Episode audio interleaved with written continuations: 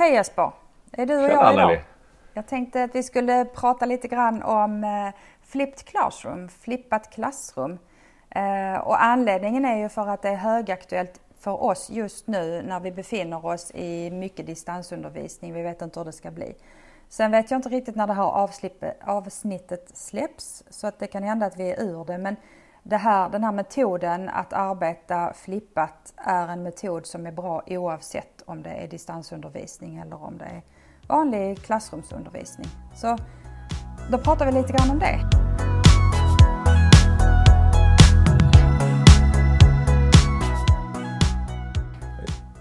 Alla borde känna till den här metoden som eh, just nu anses vara beprövad. Det är väldigt många som har provat att flippa och det finns både svenska och böcker på engelska om metoden. Ja, och som du säger den är ju beprövad och har funnits ganska länge. Sen i skolsverige så tror jag att den fick eh, en uppsving för, kan det vara sex år sedan någonstans där, fem, sex år sedan. Eh, då, då började det sprida sig sakta men säkert. Och det var ju, SVT plockade upp det på ett inslag med en gymnasielärare i Stockholm, Daniel Barker. Eh, som började prata om eh, flippat klassrum och visade hur han undervisade elever i fysik. Men innan jag, innan jag tar det så kan jag bara kom, berätta hur jag kom in på spåret och flippa min undervisning. Och det var faktiskt en TED-talk jag såg med Salman Khan som startade upp Khan Academy. Och när det begav sig, det här är långt tillbaka, det är någonstans kring 2002-2003 när han eh, skulle hjälpa sin kusin. Men de bodde på så långt avstånd så han kunde inte hjälpa henne fysiskt. Så han gjorde videor och la ut till henne. Och sen visade det sig att fler släktingar ville också ha hjälp. Och då, då la han ut på Youtube så att alla kunde ta del av det, då inom familjen. Men det spred sig så mycket så att en dag eh, ringer Bill Gates, eh, sekreterare och säger Hej, jag är Bill Gates sekreterare. Jag skulle, jag skulle, han skulle vilja ha ett möte med dig. Är det möjligt? Och han bara skrattade och la på luren.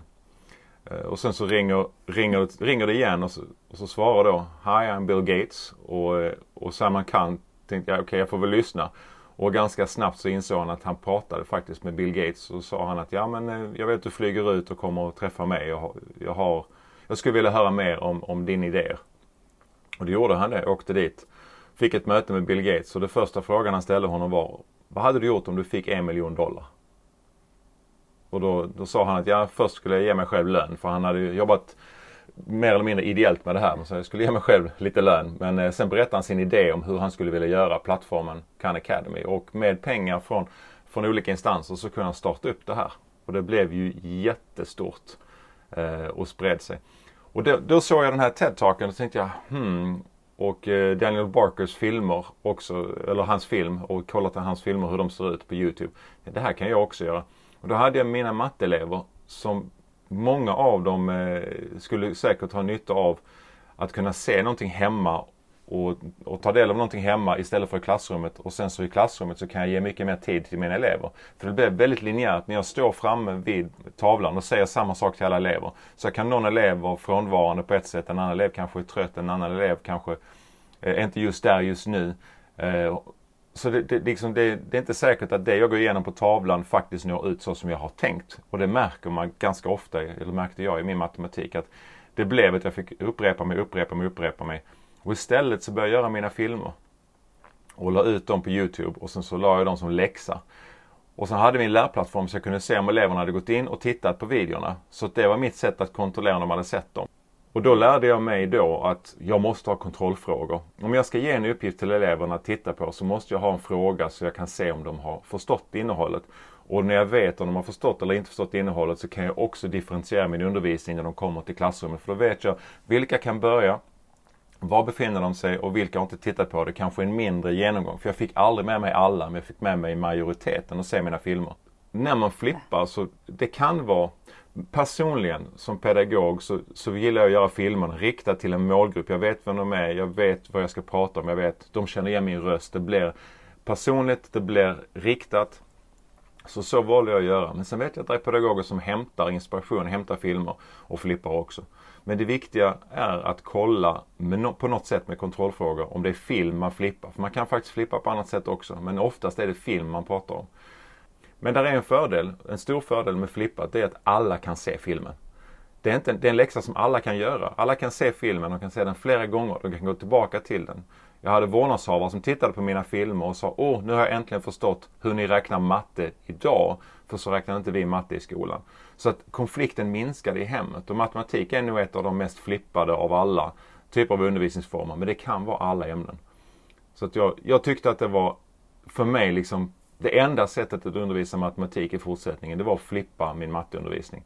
Men sen gjorde jag det även i mina NO-lektioner också. Så jag började flippa där, men inte lika frekvent. Men det förekom filmer med saker som var svåra att greppa och, och, och det var lättare att göra det i en film utan avbrott, kunna prata från punkt till, till slut. Och med det sagt så, en flipp på sju minuter kan motsvara 20-30 minuter på tavlan.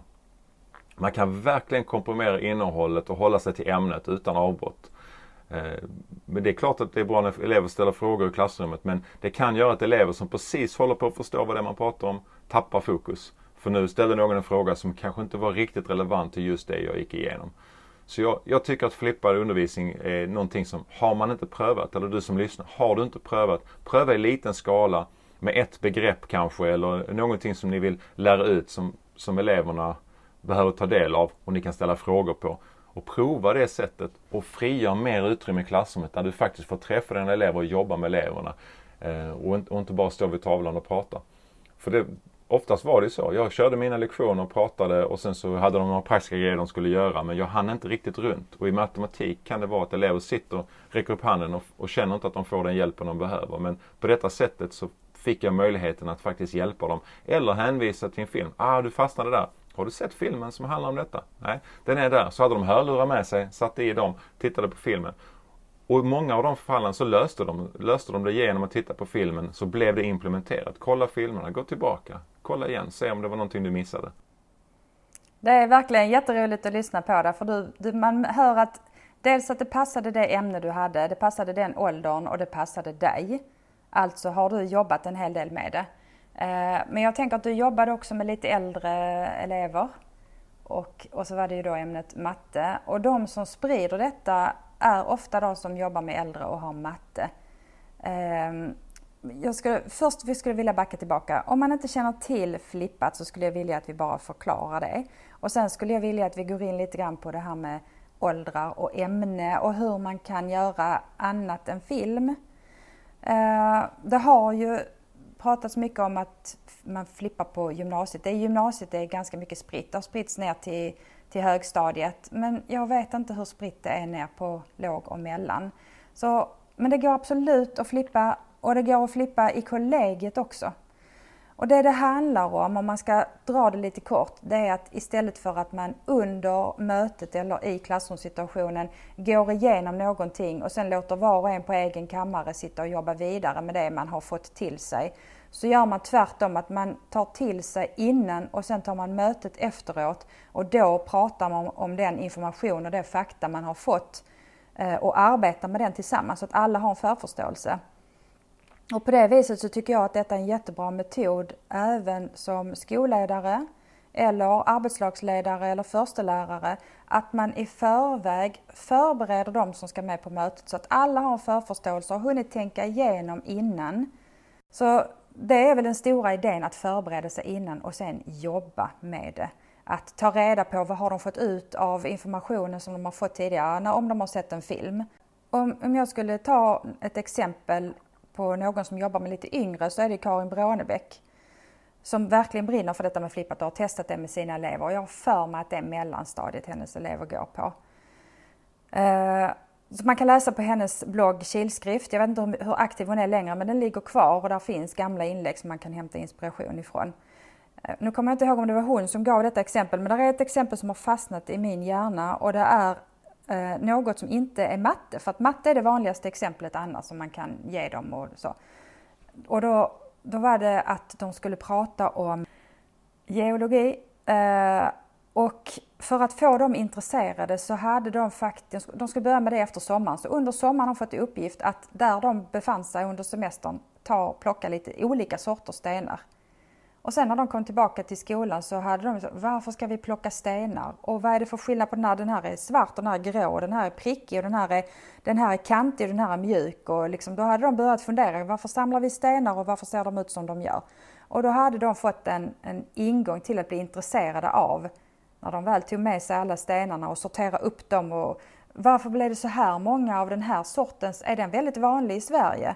Eller var det någon som hade varit utomlands? Det är en helt annan sten, den är lite rödaktig och så liksom ta reda på olika stenar. Det, det, är också ett sätt att flippa fast utan att använda film. Film är ju det vanligaste men man kan flippa på annat sätt. Absolut. Eh, och mm. flippad undervisning så, så som eh, förslaget är. Jag kommer ihåg då när jag började så hittade jag den, hems eller den Facebook-sidan, eh, Flippade klassrum med Karin Brånebäck.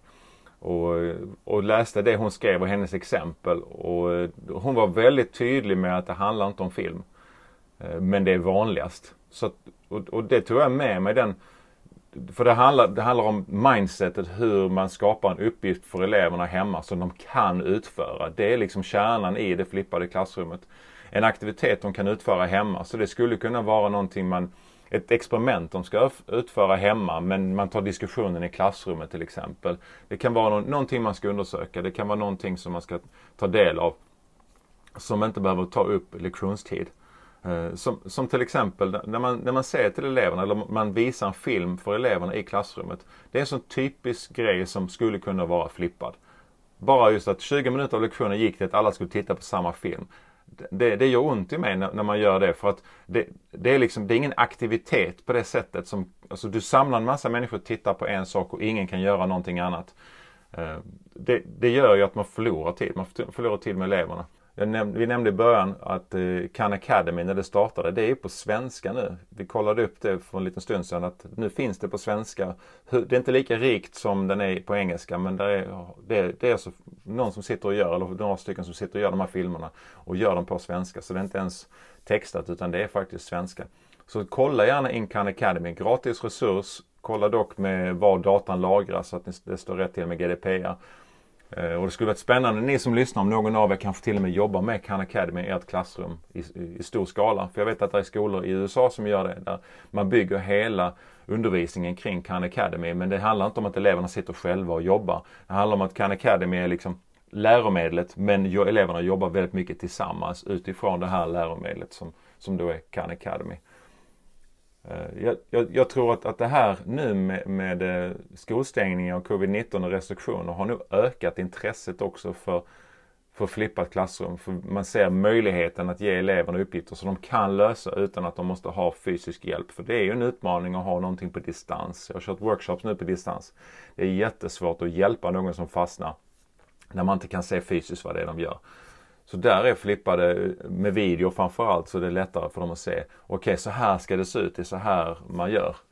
Istället för att jag förklarar och sen ska de göra. Hur var det nu du gjorde? Då är en film jättebra att kunna gå tillbaka till och titta och spola tillbaka och se. Det är rätt roligt för de som, som jag träffar som bubblar med frågor. De ber om ursäkt för alla sina frågor för de tycker det är pinsamt att hålla på och ställa frågor. Men jag säger att ju mer man kan, ju fler frågor kan man ställa. För är du inte insatt och förberedd, då sitter du bara och tar till dig och så kommer tankarna efteråt. Det jag, det jag tänker på om det är till exempel fortbildning inför en fortbildning.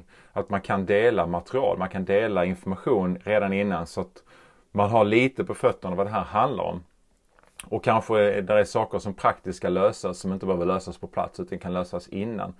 Eh, så att man får mer utav tillfället. För det, det är det jag ofta hör när, när man kör workshop. Det är, oh, jag skulle vilja sitta mer och jobba eh, och testa och prova. Och har man då förberett sig så är det ju lättare att hålla en kortare genomgång och köra det mer praktiskt så att de får prova med handledning. Ja men om jag ska flippa, vad ska jag tänka på egentligen? För nu har jag gjort det och, och det här, nu har jag kommit en bit. Finns det mer tips? Och jag lärde mig jättemycket efter att ha flippat. Min första flipp var 15 minuter och den tog en och en halv timme att göra. Så att det var ingen bra. Så det har inte jag tid med. Så att jag märkte och, och, läste mig till och såg andras exempel och förslag att man ska hålla sig till max 7 minuter. Mellan 5 och 7 minuter är jättebra. Ett begrepp, inte flera olika saker. Gör, gör snuttar istället. Så jag lärde mig massor av att ha redan provat. Okej, okay, jag vet att det jag, jag har gjort det, jag har testat, nu kan jag lära mig och bli ännu bättre, förfina min, min, min metod. Och nu, just nämna viktiga delar i en film, om man nu flippar med film, vilket de flesta gör. Ljudet är viktigare än bildkvaliteten. Tänk på det när du spelar in. Så sitt i ett utrymme där det inte är andra störande ljud och använd gärna ett headset. Det kan vara ett headset som är billigt men det är ett headset. Det är bättre än ljudet som tas upp av datorn eller av, av en iPad eller så. Använd headset. Det är jätteviktigt. Eh, och, sen, och sen ha ett manus. Gärna förberett så att du vet vad det är du ska hålla dig till. Och sen håll dig under sju minuter.